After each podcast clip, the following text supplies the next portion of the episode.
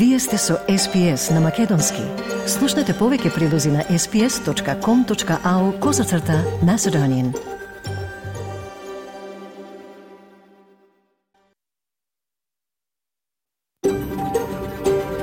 SBS, a world of difference. You're with SBS Macedonian on mobile, online, and on radio. Вие сте со SPS на Македонски, на мобилен, преку интернет и на радио.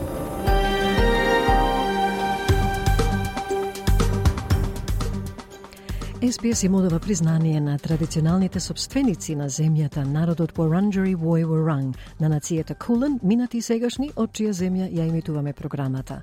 Добар ден, денеска 5 септември, повторно сува се Маргарита Василева. Повестите пообширно за најновите настани во Македонија, каде главна тема вчера беше аферата на клиниката за онкологија, кон која се свртени сите очекувања дека сомнежите за наводен криминал со лекови ќе излезат на површина. Ке чуете и за синокишниот протест пред владата на кој се критикуваше здравствениот систем и се бара одговорност. А во рубриката посветена на домашни теми ќе ви известиме за најнов закон. Викторија стана втората држава да забрани јавно прикажување на нацистичкиот поздрав.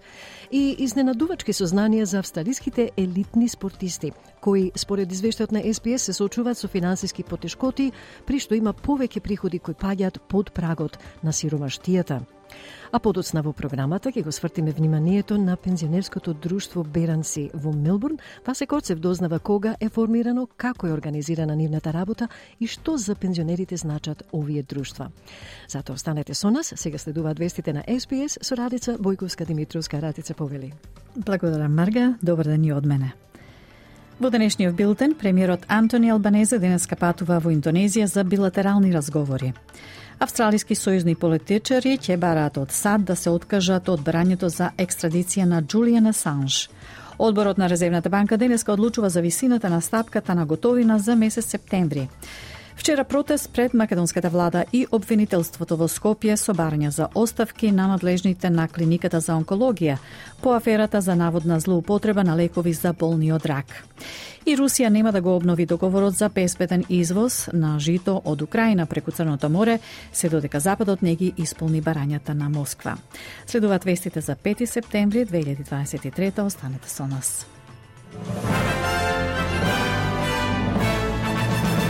Премиерот Антони Албанезе денеска патува во Индонезија за да присуствува на самитите на АСЕАН и Источна Азија. Господин Албанезе ќе се сретне со светските лидери во обид да ги подобри врските со регионалните сојузници во Југоисточна Азија. Посетата ќе биде првиот дел од неговото речиси еднонеделно патување во Азија, кое вклучува и посета на Филипините, а потоа и на Индија за самитот на групата 20 во Нью Делхи. Господин Албанезе, истакнувајќи ја важноста на патувањето, рече дека голем број од лидерите ќе сакаат да разговараат за еднината на индустријата и дека ако во текот на изминатите неколку децении австралиските минерали беа барани од секоја нација во процесот на индустриализација, сега австралиските минерали се од клучно значење за секоја земја која што сака да се декарбонизира. I can guarantee you that so many of the leaders at those gatherings will want to discuss the future of your industry. Over the past few decades, Australian minerals have been sought after by every nation looking to industrialise. Now Australian minerals are vital to every nation seeking to decarbonise. Главниот извршен директор на Qantas Group, Алан Джойс, ќе најави дека ќе го приближи неговото пензионирање за два месеци по неколку штетни недели за авиокомпанијата. Во изјава за ASX, Алан Джойс рече дека му станало јасно дека фокусот на Qantas треба да биде на обновување. Ванеса Хадсон ќе ја преземе улогата на извршен директор и главен извршен директор на групацијата од утре 6 септември. Министрот за односи на работното место Тони Берк вели дека негова цел е да осигура дека вработените во Квантас се соодветно платени и дека со нетрпение чека да работи со новата извршна директорка Ванеса Хадсон. As employment minister, as workplace relations minister, I've been very conscious that when we talk about the labour hire loophole, most companies don't use it. But Qantas is a company that has been using the labour hire loophole in a pretty extraordinary way. My objective is to make sure that people at Qantas are paid fairly.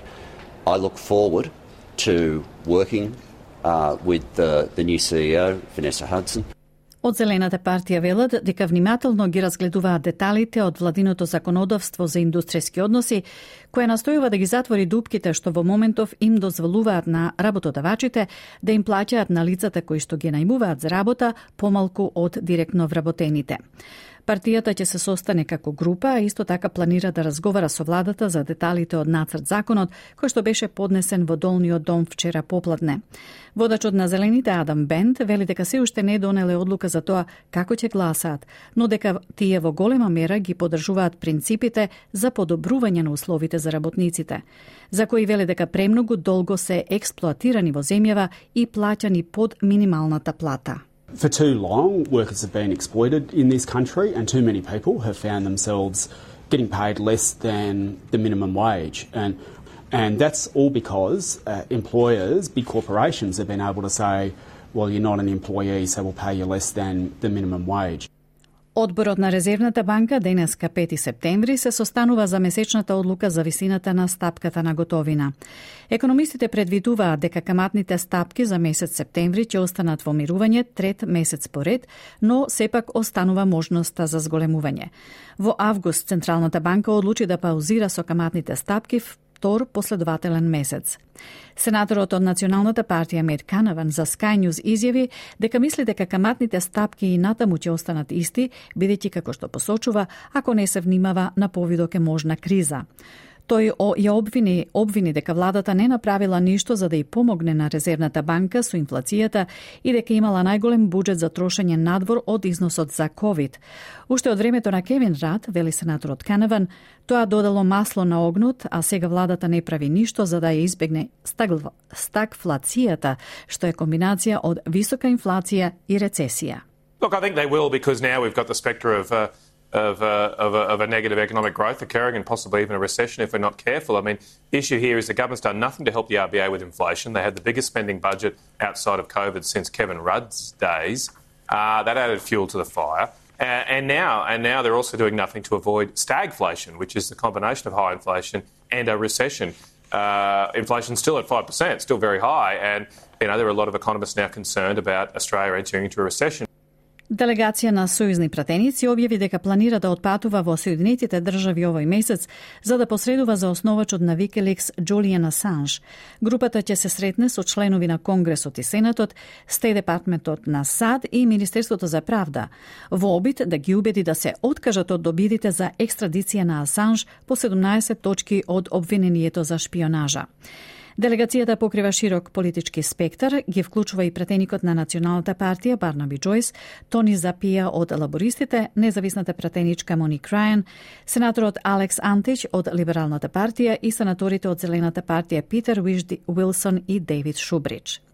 Но, иако се чини дека патувањето има широка подршка во Камбера, не сите се согласуваат дека тоа е необходно.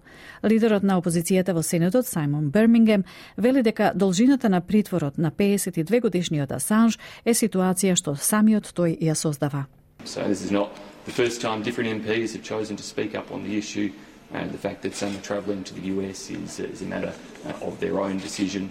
Uh, I acknowledge that this case has gone on for a very long period of time. But much of that uh, period of time, many of the delays have been a function either of the time Mr Assange chose to be in the Ecuadorian embassy, uh, which added years to these processes, or of course at present are the function of the different appeals that he is entitled to pursue to decisions that have gone against him in the court processes. Новата анкета на Guardian сугерира дека повеќе луѓе имаат намера да гласаат не отколку да на референдумот за воспоставување домороден глас во парламентот на 14 октомври, иако голем број испитаници се уште не се сигурни како ќе го дадат својот глас. Анкетата во која учествуваа 1151 лице беше направена по официјалното започнување на кампањата за да во Аделект минатата недела. Резултатите покажуваат дека 48% имаат намера да гласаат против, 42% да, а дека 10% не се сигурни. Исто така откри дека единствениот демографски глас за кој гласот ужива мнозинска подршка се луѓето на возраст меѓу 18 и 34 годишна возраст. Премиерот Антони Албанезе остро го критикуваше ветувањето на Питер Датон дека ќе одржи уште еден референдум за признавање на домородните луѓе доколку гласањето во октомври не успее. Лидерот на опозицијата е против внесување глас на парламентот во уставот, но се обврза да одржи уште еден референдум доколку ја освои власта. Сенаторката од Либералната партија Джасинта Напинджимпа Прайс вели дека коалицијата се обврзала на признавање. What I understand is that the coalition had, has committed has been a long term commitment, um, certainly to recognition, uh, certainly to the understanding of creating regional and remote bodies. Премиерот Антони Албанезе вели цитат, тие веќе планираат продолжение, додека прават се да го саботираат оригиналот. They're already planning the sequel Order. while doing everything they can to sabotage the original. Вчера јавниот живот во Македонија помина во знакот на аферата за наводната злоупотреба на лекови во клиниката за онкологија пред Државниот клинички центар во Скопје, односно за нивна кражба и препродажба на црниот пазар за недавање на соодветна терапија на пациентите, поради што здравствената состојба на голем број пациенти им била влошена, а според реакциите на граѓаните на социјалните мрежи се предпоставува дека се загубени и голем број човечки животи. По акцијата од пред три дена и по запленувањето на доказен материјал, обвинителството работи на нивно вештачење. Министерот за здравство Фатмир Меджити и директорите на онкологија бараат што побрзо откривање на виновниците ако се потврдат тие наводи. Додека надлежните истражуваат, реакциите на граѓаните по социјалните мрежи не стивнуваат, а вчера револтирани граѓани излегоа на протест пред зградата на владата, при што гаѓаа со јајца и оставија црвени дланки, символизирајќи крв пред зградите на владата и обвинителството во Скопје, извикувајќи цитат убици и кратци. Тие побараа одговорните за тоа да бидат изведени пред лицето на правдата и да бидат казнети, но побараа и надлежните да си дадат оставки. Дел од лицата на протестот споделија и приказни за своји блиски кои го изгубиле животот во борбата со рак. Поради чувствителноста на случајот, обвинителството побара од јавноста да се воздржи од барање одговорност од било кого додека не се откријат вистинските виновници. Рускиот председател Владимир Путин изјави дека договорот за жито што ја овозможи на Украина безбедно да извезува жито преку Црното море нема да биде обновен додека Западот не ги исполни своите обврски за олеснување на рускиот земјоделски извоз. Тоа доаѓа од како Путин се сретна со турскиот председател Реджеп Тајп Ердоган, кој заедно со Обединетите нации посредуваше во договорот што се смета за клучен за глобалните резерви на храна. Русија одби да го продолжи договорот, жалејќи се дека договорот со кој се ветува дека ќе се одстранат пречките за рускиот извоз на храна и ѓубрива не бил испочитуван. Галип Далеј, вореден професор во Четем Хаус Галип Далеј, вели дека одсуството на договор за жито што ќе ја овозможи на Украина слободно да извезува, ќе има драстично влијание врз глобалната безбедност за храната, особено за голем број сиромашни земји во Африка, Средниот Исток и Азија. Quite many poor countries in Africa, in Middle East, in uh, Asia are, very much dependent on the foodstuffs on uh, on on this deal. So therefore, not reviving of this uh, deal can have a drastic impact in places like uh, Somalia, but also in Egypt, which is also very much dependent on the grains. Од најновата курсна листа, денеска еден австралиски долар се менува за 0,59 евра, 0,64 американски долари и 36,57 македонски денари. Додека еден американски долар се менува за 56,59 македонски денари, а едно евро за 61,07 македонски денари. Еве и временската прогноза за главните градови за утре, среда, 6 септември, Перт делумно облачно, максимална 19 степени, Аделаид сончево 24, Мелбурн делумно облачно и ветровито 19, Хобарт облачно 18, Камбера утренска слана, а потоа сончево максимална 17, сончево и за Сиднеј 21, Бризбен претежно сончево 27, Дарвин сончево 33, идентично и за Алис Спрингс сончево со максимално до 33 степени.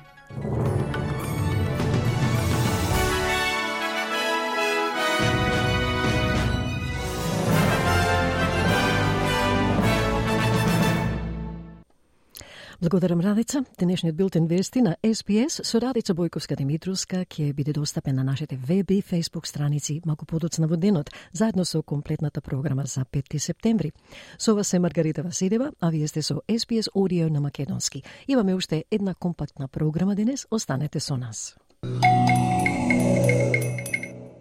Маргарита Василева е со вас, драги слушатели, а сега време е да го слушнеме извештајот од Македонија кој покрива една главна тема, а тоа е аферата на клиниката за онкологија, кон која се свртени сите очекувања дека сомнежите за наводен криминал со лекови ќе излизат на површина. Директорката на клиниката тврди дека во последниве години болницата работи сосема коректно. Тема на истрага побараа македонскиот председател Стефо Пендаровски, македонскиот премиер Димитар Ковачевски и лидерот на опозицијската партија Христијан ВМРО ДПМН Христијан Мицковски. И синоќа се одржа протест пред владата на кој се критикуваше здравствениот систем и се бараше одговорност од евентуалните виновници. Подетално од Македонија денеска известува Бране Стефановски.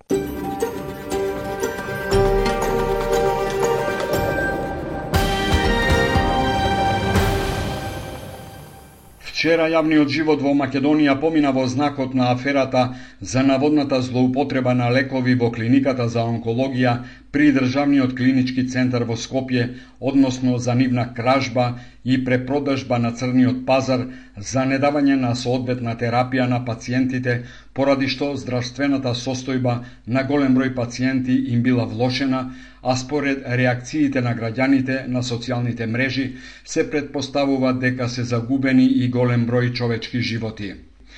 Вчера пациентите со страв и со недоверба се јавуваа на преглед на оваа клиника и упатија бројни забелешки на незината работа. Пренесуваме дел од анкетата на ТВ Сител. Во 8 сато дојдовме овдека во болницава и дадовме книжката и лекарската документација и чекаме да влеземе кај докторот. И до сега, ево колку е 12 сатот, не можеме да влеземе. Не е ова хумано, ова измочување на и онака тешко болните лица. По акцијата од пред три дена и по запленувањето на доказен материјал, обвинителството работи на нивното вештачење.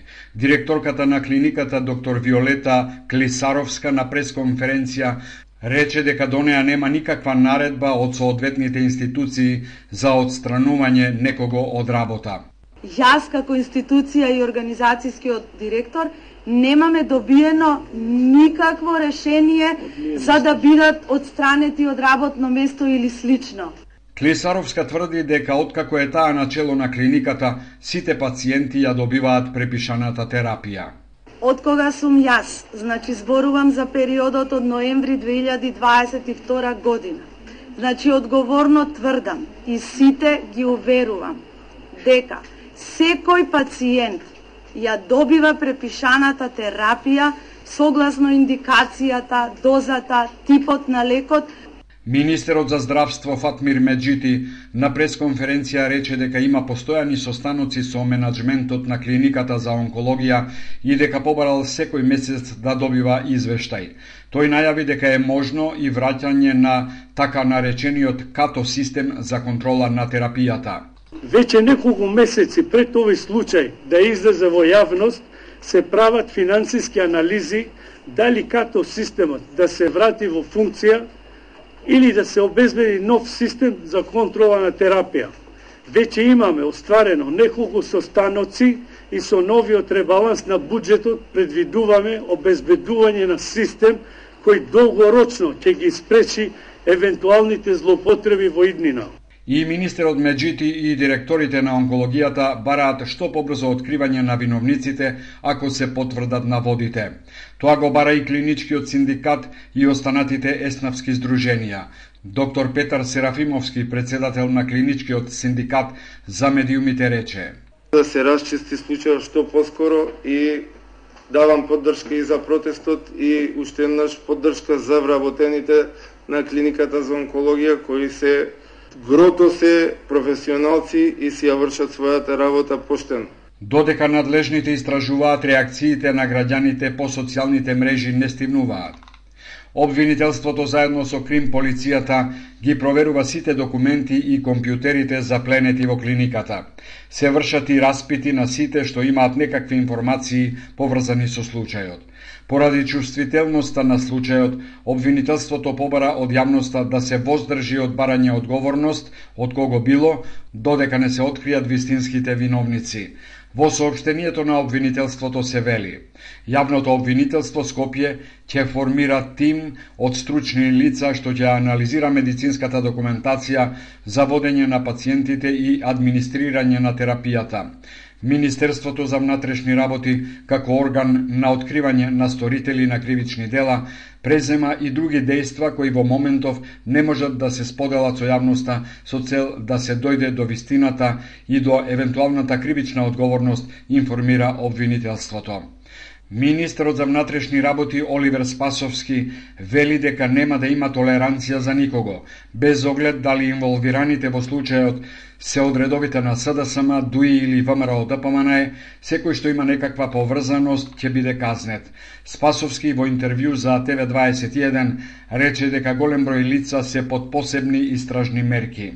Посебен тим од Одделот за криминалистичка полиција работи во координација со основното јавно обвинителство. Направен е целосен план во однос на постапувањето и интензивно се работи на прибирање на податоци и информации во, во овој дел. Председателот Стево Пендаровски е згрозен по сомнежите за криминал што се отворија на клиниката за онкологија. Тој констатира дека здравствениот систем потврлил, а пациентите целосно ја губат довербата. Тој побара брза и неселективна истрага. Во сообштението од неговиот кабинет се вели. Крајно време е системот да потврди дека сме способни во практиката, а не само со зборови, да се справиме со тешките облици на организиран криминал и корупција и конечно да ја прекинеме културата на неказнивост за сериозни прекршувања на законите. Никогаш нема да бидеме вистинско европско општество со одолговлекување на судските постапки и одсуство на лична одговорност, завршен цитат. Премиерот Димитар Ковачевски пред новинарите побара надлежните институции целосно да го расветлат случајот. Очекувам да се спроведе професионална, брза истрага, која што ќе идентификува поединци кои што се огрешиле и пред закон, и пред етички и морални принципи на докторската фела – нема да се дозволи никаков притисок. Ниту политички, ниту етнички, ниту било каков друг. Инволвираните, ако сакаат нека бидат членови и на Свети СДСМ, и на Свето ВМРО, и на Свети ДУИ, тој што се огрешил, има да одговара. Опозицијата побара соодветната собраниска комисија да расправа за случајот онкологија. Лидерот на ВМРО ДПМН е Христијан Мицкоски пред новинарите рече дека е згрозен од информациите и побара освен кривична и политичка одговорност. Ковачевски треба да одговори зошто системот со кој што се следеле лековите не функционира. Кој е тој кој што наредил тој систем наместо да биде функционален, да биде ставен да биде ставен во подрум. И зошто? Оние кои што ќе платат, добиваат соодветен медицински третман, а оние кои што за жал не можат да платат, оставени се на милост и немилост и во тешка болка и мака да умираат. Дуи соопшти дека со загриженост ги следи случувањата. Оваа партија побара да не се политизира случајот во време кога државата се подготвува да направи измени во Уставот за да ги почне преговорите со Европската Унија. Вчера со реакции се јавија уште неколку мали партии и тие соопштуваат дека се згрозени од случувањата на клиниката за онкологија. Освен кривична, бараат и политичка одговорност од носителите на власта. Синоќа пред владата се одржа протест на кој се критикуваше здравствениот систем и се бараше одговорност од евентуалните виновници, а се критикуваше и власта откако протестантите со црвена боја на асфалтот пред владата испиша убици, на говорницата неколкумина демонстранти со болка зборуваа за своите трагични случаи на загуба на блиските. Еден од демонстрантите раскажа за искуството на клиниката за онкологија на која починала неговата мајка и упати критики на работата на клиниката. Не дај Боже некој да доживее, значи, да, само да отиде до онкологија. Тоа е страшно нешто. Значи, не знам ја што да ви кажам. Јас со мајка ми полна од рак, Кога видевме на хемотерапија, чекавме од 9 и пол сабајле па негде до 6 завршуваше хемотерапијата. Никој ништо не, не, не ве гледа, значи не ве гледа, воопшто ништо. Оставили се сами на себе. Демонстрантите со едноминутно молчење оддадоа почит на сите жртви на здравствениот систем, а поговорите тргнаа кон обвинителството. Доколку сакате да слушате прилози, посетете ја нашата Facebook страница SBS Macedonian или нашата веб страница sbs.com.au macedonian. Таму ќе најдете интервјуа и видеоклипови на разни теми, вклучувајќи го и денешниот извештај од Македонија на нашиот соработник Бране Стефановски. По неколку информативни пораки од SBS, драги слушатели, ќе преминеме и на локални теми, а подоцна ќе чуеме повеќе за Македонското пензионерско друштво Беранци во Мелбурн. Вие сте со СПС Орио на Македонски, со вас е Маргарита Василева. Викторија се очекува да стане втората држава што ќе забрани јавно прикажување на нацистичкиот поздрав. Новите закони ќе надметнат високи парични казни или дури затворски рокови за прекршителите, додека владата на Ендрюс се бори против она што се опишува како омраза и штетно однесување. Повеќе од прилогот на Том Стейна за SBS News.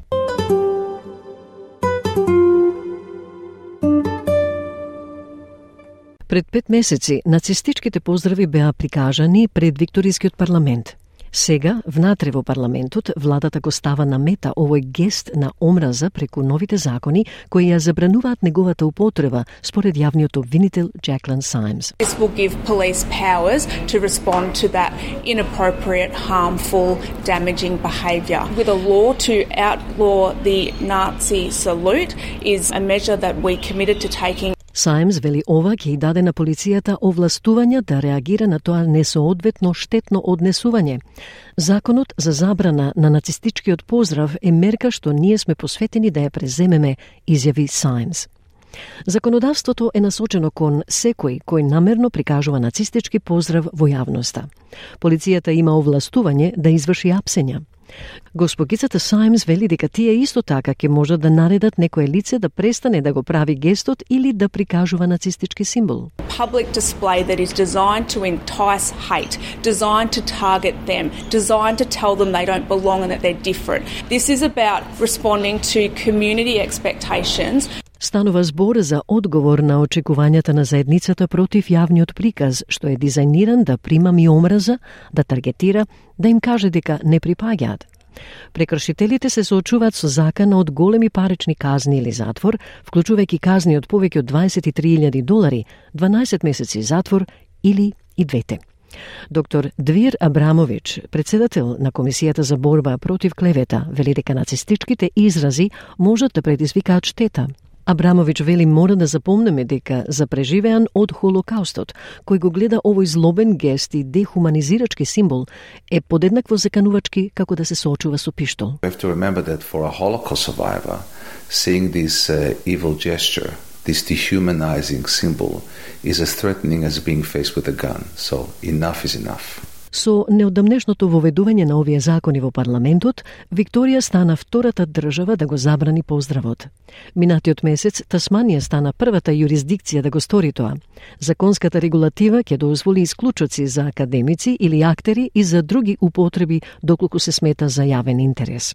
Доктор Абрамович рече дека законите се сметаат за клучни во заштитата од дискриминација. Doesn't end, it doesn't uh completely eradicate this virus, but at least it says that we are standing up for democracy, we are standing up for inclusivity and for respect, and we are saying no to hatred. Доктор Абрамович вели и покрај законите, тие нема да го искоренат овој вирус, но барем тоа дека се покажува заложбата за демократијата, за инклузивноста и почет. Веќе забрането во Викторија, федералната влада оваа година се обврза да воведе забрана на национално ниво против прикажување и продажба на нацистички символи како дел од незините напори да се спротивстави на обидите за потикнување омраза. Лидерот на партијата на Зелените во Викторија, Саманта Ратнам, вели дека постои загриженост дека ширењето на екстремизмот со омраза останува постојано присутна закана. Таа вели важно е владата сериозно да ја свати заканата од екстремно десничарскиот екстремизам и да го открие коренот зашто овие екстремистички идеологии се зголемуваат во сила и број. It's really important that government takes the threat of far-right extremism seriously and get to the root of why these extremist ideologies are growing in strength and number.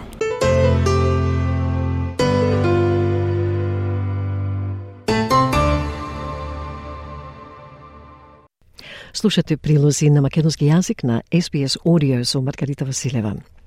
Австралиските елитни спортисти се соочуваат со финансиски потешкоти, при што има повеќе извештаи за приходи кои паѓаат под прагот на сиромаштијата. Рече си половина од анкетираните во извештајот Running on Empty трчаме на празно, на Австралиската спортска фондација се борат да врзат крај со крај. Ако проблемот не се реши, фондацијата предупредува дека Австралија може да ги загуби своите врвни таленти. Прилог на Џон Булдог и Омо Бело за SBS News.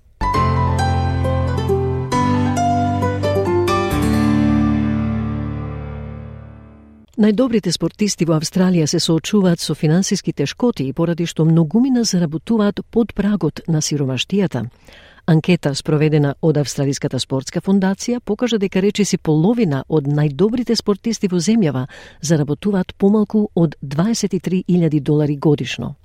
Познатата звезда на светското пливање, Бронти Кембл е една од погодените. We really have to look at this and make sure that when we have this home Olympics coming up, that we have um, an amazing amount of athletes represented there. And those athletes that are in the pathways right now, the ones that are struggling right now, are going to be the stars of those 2032 games. So we really need to be planning for that. Извештајот на Австралиската спортска фондација ASF, која анкетираше 2304 спортисти во 60 спортови, покажа дека двајца од секој тројца спортисти на возраст од 18 до 34 години размислувале да го напуштат спортот. Елитните спортисти трошат повеќе за патување и сместување за надпревари отколку за храна, со што трошоците и финансиската несигурност се најголеми проблеми. Просечниот приход од сите извори се движил меѓу 23 и 49 илјади долари. Повеќе од една третина од жените испитанички велат дека кризата на трошоците за живот им наштетила на нивното ментално здравје. И секој втор испитаник вели дека би користел услуги за ментално здравје доколку се достапни. Главниот извршен директор на АСФ, Патрик Уока, вели дека ова прашање бара итно внимание, бидејќи ризикот спортистите да ги напуштат своите спортови како резултат е голема загриженост. Уока вели животот на еден спортист е многу неизвесен и придонесува за значителни предизвици за менталното здравје. It's a very uncertain uh, life being an athlete uh, and these all add up to significant mental health challenges. That's really the biggest concern arising out of this report.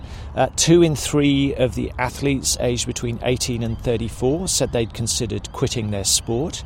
And if we lost anything like that number of our elite athletes, that would create a huge problem in short term performance, but also a pipeline problem as we head towards the Brisbane 2032 Olympic and Paralympic Games. So it's a serious concern. Под притисок се и австралиските параолимписки спортисти. Миша Гинз има за цел да се приклучи на тимот за бадминтон Para Falcons во Париз. Таа започна кампања за самофинансирање со помош на Австралиската спортска фондација за да помогне во покривањето на очекуваните трошоци од 50.000 долари. Гинз вели да се биде параспортист обично доаѓа со некои здравствени предизвици. Таа користи физиотерапевт два пати неделно, миотерапевт и педијатар, така што има многу медицински трошоци само за да се одржи функционална и способна да игра бадминтон. Дополнително на тоа, таа мора да плати за да има инвалидска количка која мора редовно да се сервисира или да има нови делови, што голем дел од тоа не се покрива преку NDIS или други поддршки. Being a para-athlete normally comes with some health uh, challenges. Uh, I see a physiotherapist twice a week, a myotherapist, a podiatrist. So there's a lot of medical costs just to keep myself functional and able to continue to play badminton. Um, so that's in addition to also, uh, have to pay to have a wheelchair, have that wheelchair serviced on a regular basis, having new parts put on the chair, and uh, a lot of that is uh, not covered through NDIS or you know other uh, supports. Поранешната олимписка и светска шампионка во пливање Бронти Кембл вели дека најголемите трошоци што ги има направено за време на незината кариера биле за повреди. Господјата Кембл тврди дека, иако поддршката за повреди била силна кога била таму, трошоците набрзо почнале да ја надминуваат добиената поддршка. Таа стравува дека олимписката слава еден ден може да биде ограничена на оние кои можат да си ја дозволат. Госпогицата Кембл рече дека финансиските притисоци играат навистина голема улога, особено кога спортистите особено кога спортистите стареат во нивниот спорт и престануваат да се подпираат на банката на мама и тато, што значи дека само спортистите од богатите семејства се способни да го поминат патот до елитата. Financial pressures play a really big role, particularly as athletes get older in their sport and um, stop relying on the bank of mum and dad. And um, another very key aspect of this is that we shouldn't have to rely on the bank of mum and dad. It means that um, only athletes from affluent families are able to make it through the pathways to the elite. And that really shouldn't be the case. Федералната влада неодамна вети 20 милиони долари дополнителни средства за да им помогне на спортистите да се квалификуваат за Олимпијадата и Параолимпијадата во Париз. Од прилогот на Џон Булдоки Омо Бело за SBS News.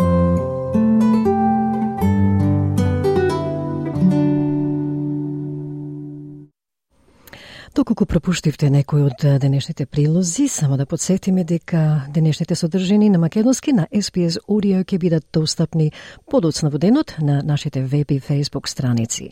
А за прашања или коментари во врска со програмата, оставете порака на нашата фейсбук страница. За крај, Васе Коцев не запознава со Македонското пензионерско друштво Беранци во Мелбурн, кога и како е формирано, но и колку е важно да се одржуваат овие организации за нивните членови. Во Мелбурн постојат повеќе пензионерски друштва од македонската заедница, каде пензионерите ги поминуваат своите слободни денови со разновидни активности. Едно од тие пензионерски друштва е и пензионерското друштво Беранци. Васе Коцев подготви прилог за ова друштво во кое ќе слушнеме од кога е формирано, како е организирана нивната работа и што за пензионерите значат овие друштва. Прилогот е подготвен за време на прославата на Денот на таткото минатиот петок. SBS. SBS. SBS. SBS. SBS. SBS. SBS Radio. Сребир Атанасовски е благајник во пензионерското друштво Беранци. Да ни кажете од кога постои? Нашата група постои скоро 17 години. Откако е отворена. И колку членови имат? Членови имаме негде околу 230 членови, мембери што се редовно се собираме кога 80, кога 100, кога 120, ама за ручеците како што гледаш денес имаме повеќе, негде јаве собрани околу 120-130 души. Thank you на сите што се присутни. Групава ја отвориме затоа што на овој дел на Нортен дел има доста македонци. Па кај да појдиш во Епинг Плаза или Лајдо Плаза, ќе ги видеше како се собира на групи нашите македонци. Па така ние одлучиме да отвориме и, и ние тука една група за да можат луѓето да повеќето да излегуваат. Групава Беранци како што ти реков, датира пред 17 години, напредуваме до сега добро, благодарение на членовите, благодарение на поддршката и ред ред други работи што се и од сите кенсел Вителси. Тоа сакав да прашам, имате и соработка со општината Вителси? Да, нормално имаме поддршка и од нив, затоа што ако не се тие не можеме да отвориме нешто вака, да се разбереме. Ама почетоко, да ти кажам право, ни беше многу тежок. Принудени бевме и рабишите дома да ги земавме, бевме околу 15 души што почнавме тука да работиме полека полека како што дојде времето групава ни се наголеме. Е, сега имате и соработка и со останатите пензионерски групи маке, од македонската заедница? Да, би требало и така. Имаме, ете го пред две-три недели тука имавме гости поканете од пензионерската група Гоце Делчев, Исто така имавме и покането и од Битолското друштво, но поради некои причини не може да дојдат, Па така, па си поминавме убаво зелом. Да, меѓутоа и вие ги посетувате и тие посетуваат, да. постои таа соработка меѓу пензионерските друштва. Да, така би требало да се разбереме, треба да соработуваме едни со други, да не се мразиме. Да. Ние сме тие луѓе, ние сме дојдене од едно огниште што се вели зборот. Така, да. Па гледам овде сега на овој ручек задоволни сите, весели на оро. Е сега организацијски за да се одржи еден таков настан малку е тешко, предпоставам, треба малце повеќе работа, организирање ручек, гости и така, малку да ни го пишете тој процес како оде. Да, а, нормално видиш Поготово можам да речем ние управите не само во нашава пензионерска група, во сите пензионерски групи, што се имаме да те кажам право многу напорна работа. Ќе речи зошто? затоа што ние останавме истите пак во управите, не сака никој да влезе и друг да да зема плата како што земаме ние. Во наводници плата, во, во сето тоа е волонтерски. Нормално да ја ја. Ете ти види самио, денес не собрани 120 души, ни управата сме само 6 души овдека. Тука сме присутни со Балија дојдени од 8 сато, па ќе останеме вечер до 6 сато. А ручекот кој го подготвува? Ручекот го подготвува тука имаме Чире Тасевски, тој го приготвува тој ручек со неговата госпоđа тука, Каролина. Се надеваме дека ќе имаме добар ручек денес. Кој ви е следно собирање кога планирате пак да се собирате? Сега престои и големиот македонски празник 8 септември, денот на независноста, веројатно повторно ќе се организирате.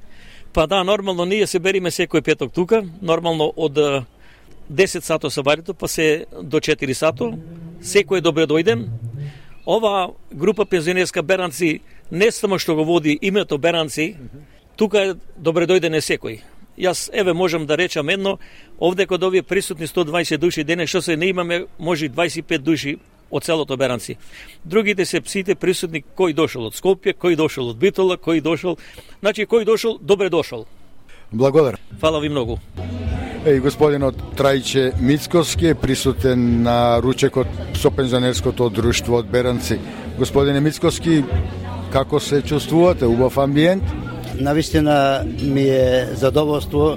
Денес славиме денот на таткото. Навистина во една така речена електрична атмосфера.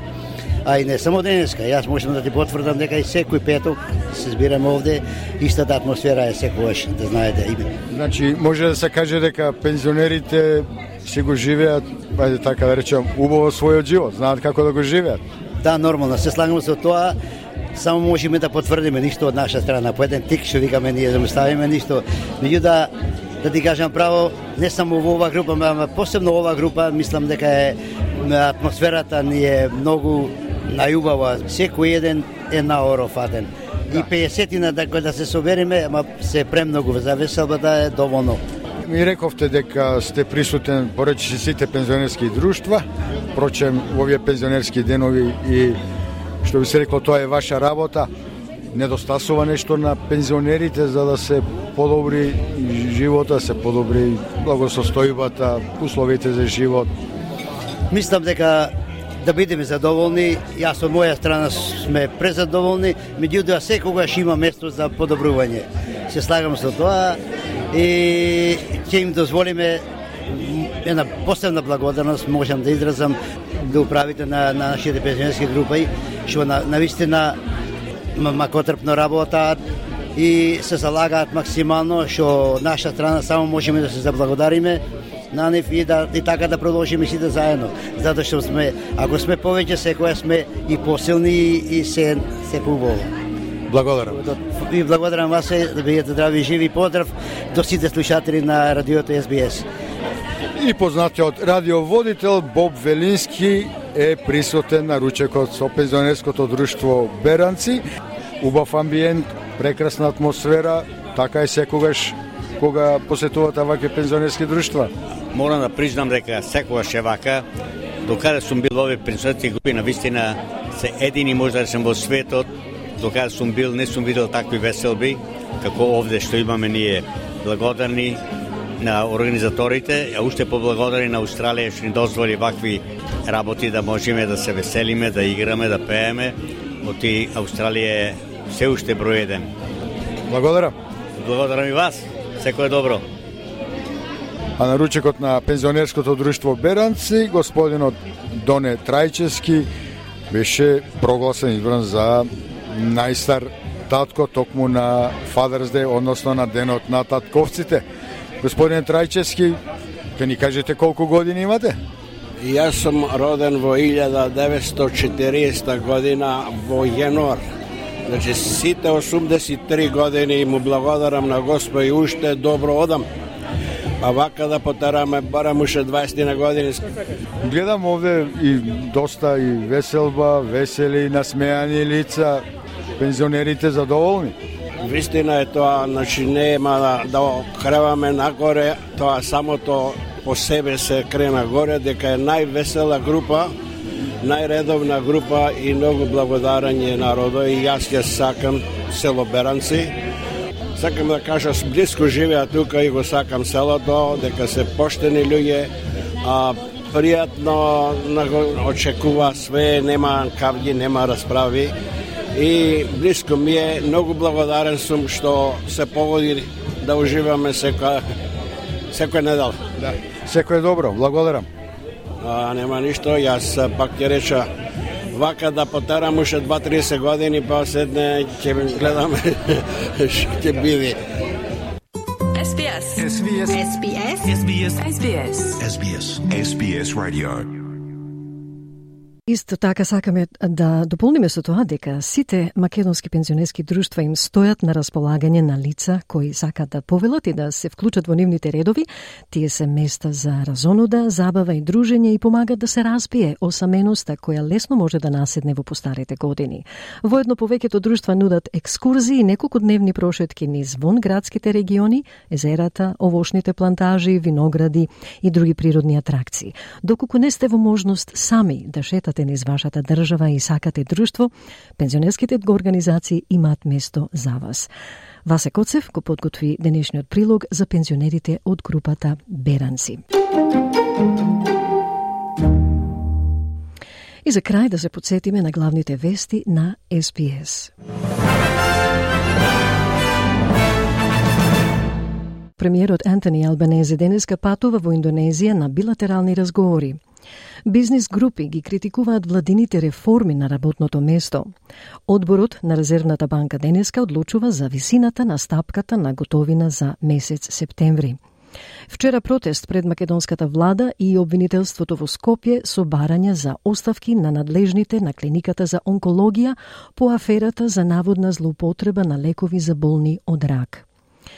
И Русија нема да го обнови договорот за безбеден извоз на жито од Украина преку Црното море додека Западот не ги исполни барањата на Москва.